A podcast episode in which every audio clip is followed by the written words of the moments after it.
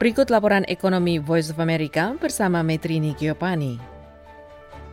Departemen Tenaga Kerja Amerika pada hari Kamis 16 Juli melaporkan 1,3 juta lagi pekerja yang di PHK minta tunjangan pengangguran minggu lalu karena ekonomi terbesar dunia itu masih terus berjuang menghadapi infeksi virus corona yang kembali melonjak. Itu menunjukkan permintaan tunjangan selama 17 minggu berturut-turut mengalami penurunan sekitar 10 ribu dari minggu sebelumnya. Angka mingguan tertinggi dengan 6,9 juta pekerja minta tunjangan pengangguran terjadi Maret lalu.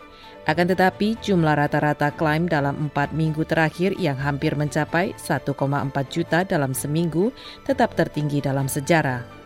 Secara keseluruhan, pemerintah menyatakan sekitar 17,3 juta pekerja telah dirumahkan meskipun jutaan lainnya telah kembali bekerja. Dalam empat bulan terakhir, 51 juta pekerja telah mendapat tunjangan pengangguran.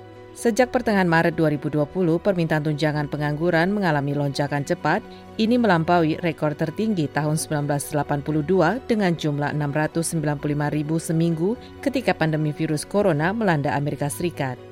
Jutaan penganggur telah kembali bekerja, namun mereka yang masih dirumahkan menghadapi kesulitan keuangan karena hanya mendapat bantuan stimulus sebesar 600 dolar per minggu dari pemerintah pusat dan tunjangan pengangguran negara bagian yang lebih sedikit dan akan berakhir dalam dua minggu. Di samping itu, para ahli ekonomi mengamati sejumlah pengusaha mengurangi jutaan pekerjaan, mengakibatkan para pekerja lepas tidak mendapat peluang kembali atau menutup bisnis mereka secara permanen. Presiden Amerika Serikat Donald Trump menyatakan dukungannya terhadap pembayaran stimulus 1.200 dolar lagi bagi sebagian besar pembayar pajak walaupun sejumlah rekannya dari Partai Republik menyuarakan kekhawatiran terkait utang nasional negara yang terus meningkat yang kini berjumlah lebih dari 26 triliun dolar. Sejumlah anggota parlemen mengusulkan pembayaran insentif kepada mereka yang kembali bekerja.